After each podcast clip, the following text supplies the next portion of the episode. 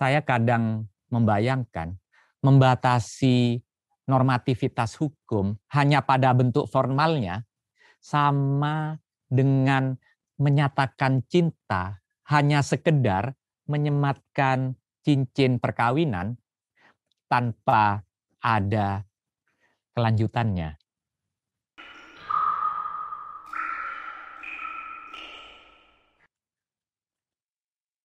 Para sarjana hukum sering mengklaim bahwa ilmu hukum bersifat sui generis. Apa sui generis itu? Lalu jika ilmu hukum bersifat sui generis, apakah ilmu hukum menutup pintu untuk bekerja sama dengan ranah ilmu lain secara interdisipliner? Nah, apabila kita membaca beberapa literatur, misalnya yang ditulis oleh Prof. Philippus M. Hajon dan Prof. Peter Mahmud Marazuki, ilmu hukum disebut sui generis, artinya tidak ada bentuk ilmu lain yang dapat dibandingkan dengan ilmu hukum. Prof. Hajon meletakkan ilmu hukum sebagai sui generis karena ilmu hukum memiliki karakter normatif ilmu hukum. Terminologi ilmu hukum, jenis ilmu hukum, dan lapisan ilmu hukum yang tidak dimiliki oleh ilmu-ilmu lain. Untuk memahami apakah ilmu hukum itu bersifat sui generis yang disebut berkarakter normatif, maka kita membedah dulu apa yang disebut normatif itu. Pertama, normatif mengarahkan bagaimana seharusnya orang berperilaku. Perilaku manusia tentu tidak deterministik. Karena itu memungkinkan terjadinya pelanggaran atas apa yang kita sebut sebagai norma. Itulah mengapa dalam kosakata hukum ditemukan istilah perbuatan melanggar hukum dan perbuatan melawan hukum. Contoh misalnya larangan orang untuk berkumpul di masa pandemi atau norma yang mewajibkan kita untuk menggunakan masker. Apakah pasti semua orang akan mematuhi perintah norma hukum? Nah, tentu ada sebagian orang yang mematuhi norma dan sebagian yang lain mungkin melanggarnya. Itulah mengapa norma hukum biasanya, tidak semua, biasanya mengandung atau mengatur tentang sanksi agar norma hukum dipatuhi. Berbeda dengan hukum alam atau ilmu-ilmu alam. Misalnya, kalau gelas ini misalnya, saya lepaskan. Kira-kira ia akan jatuh ke mana? Tentu ia akan jatuh ke bawah. Kalau misalnya gelas ini bisa ngomong, saya sebenarnya ingin jatuh ke atas. Kalau saya jatuh ke bawah, saya akan rusak. Tapi apalah daya, saya hanya benda. Maksudnya, perilaku manusia dengan gerak benda berbeda. Dalam hukum alam atau ilmu-ilmu alam bersifat deterministik. Keniscayaannya lebih pasti dan berlaku hukum kausalitas, hukum sebab akibat. Nah, apabila gelas ini saya lepaskan, ternyata tidak jatuh ke bawah, tapi melayang-layang ke atas, saya melanggar hukum alam. Saya tidak dikenakan sanksi, sebagaimana kalau saya melanggar norma hukum.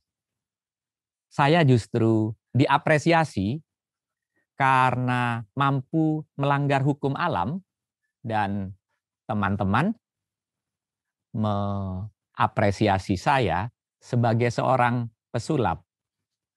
Nah, itulah hukum alam lebih pasti dibandingkan norma hukum.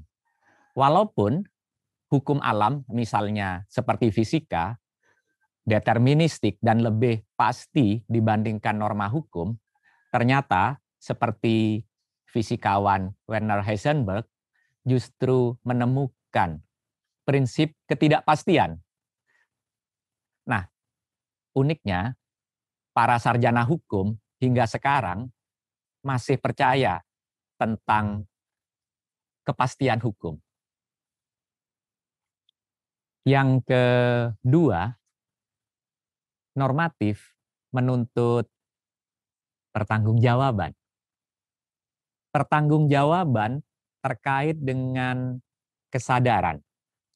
Itulah mengapa perbuatan orang gila meski telah memenuhi unsur tidak bisa dimintai pertanggungjawaban hukum.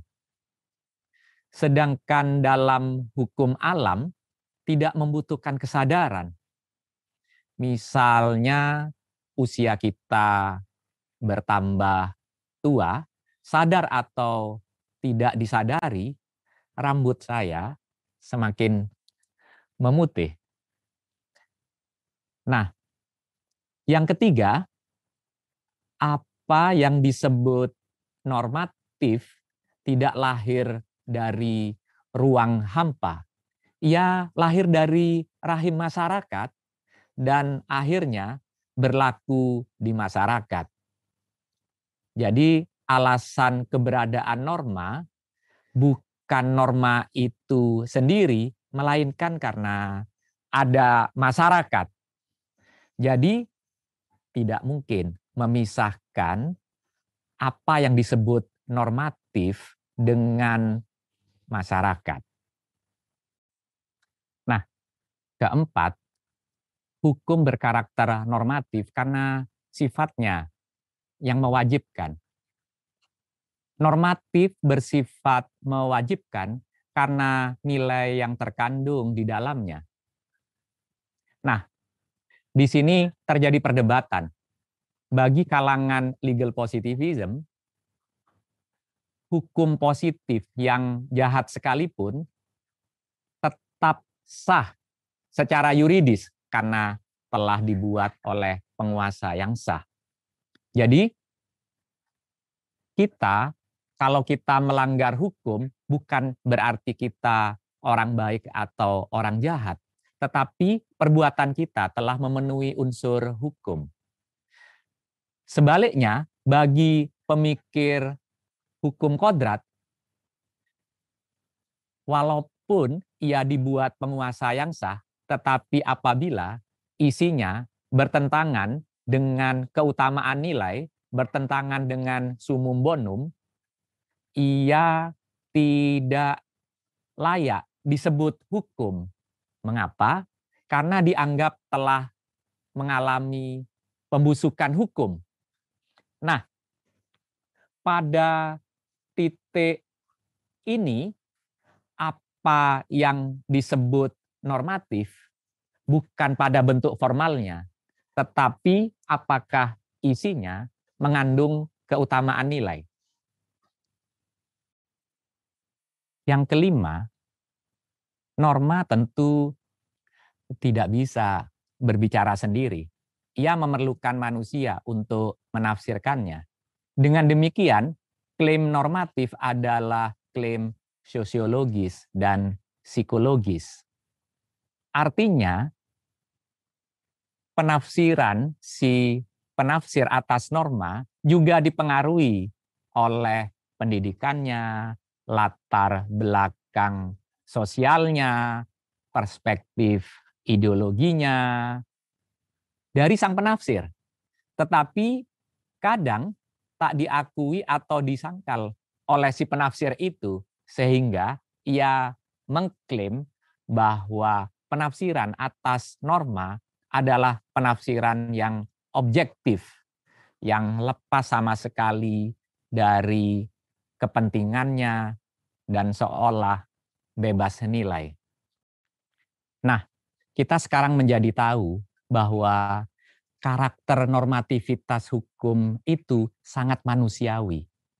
Sehingga mereduksi hukum hanya membatasi pada peraturan dan putusan hakim menjadikan hukum itu kering kerontang. Saya kadang membayangkan membatasi normativitas hukum hanya pada bentuk formalnya sama dengan menyatakan cinta hanya sekedar menyematkan cincin perkawinan tanpa ada kelanjutannya.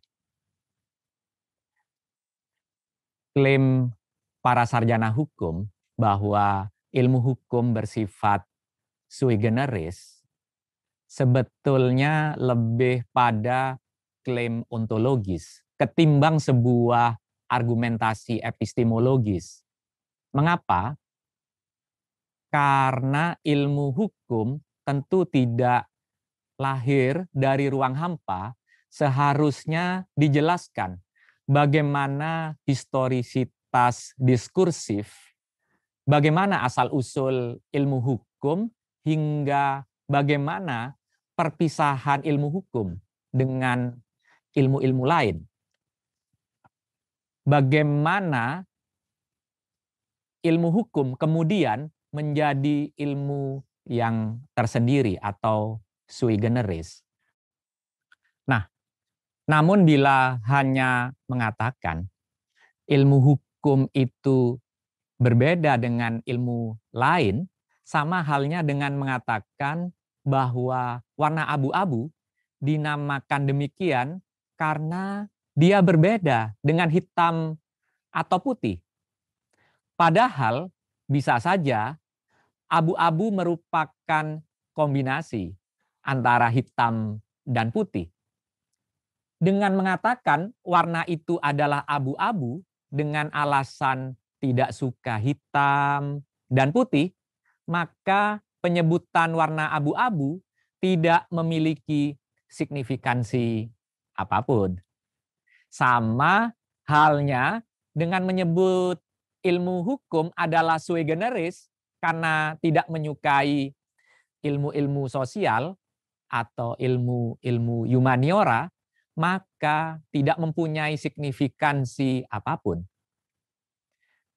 Salah kaprah memahami karakter normatif dalam ilmu hukum menyebabkan fakultas-fakultas hukum di Indonesia bertengkar tanpa tahu mengapa mereka berselisih dan apa yang diperselisihkan. Lebih naif lagi jika sikap cenderung esoterik, menutup diri, tidak membuka untuk bekerja sama dengan ilmu-ilmu lain, sehingga menyebabkan ilmu hukum menjadi kerdil dan tidak mampu merespon perkembangan di masyarakat. Nah, terlebih lagi masalah hukum sekarang semakin kompleks.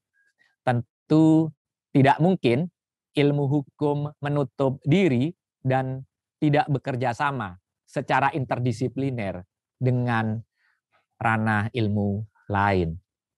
Terima kasih.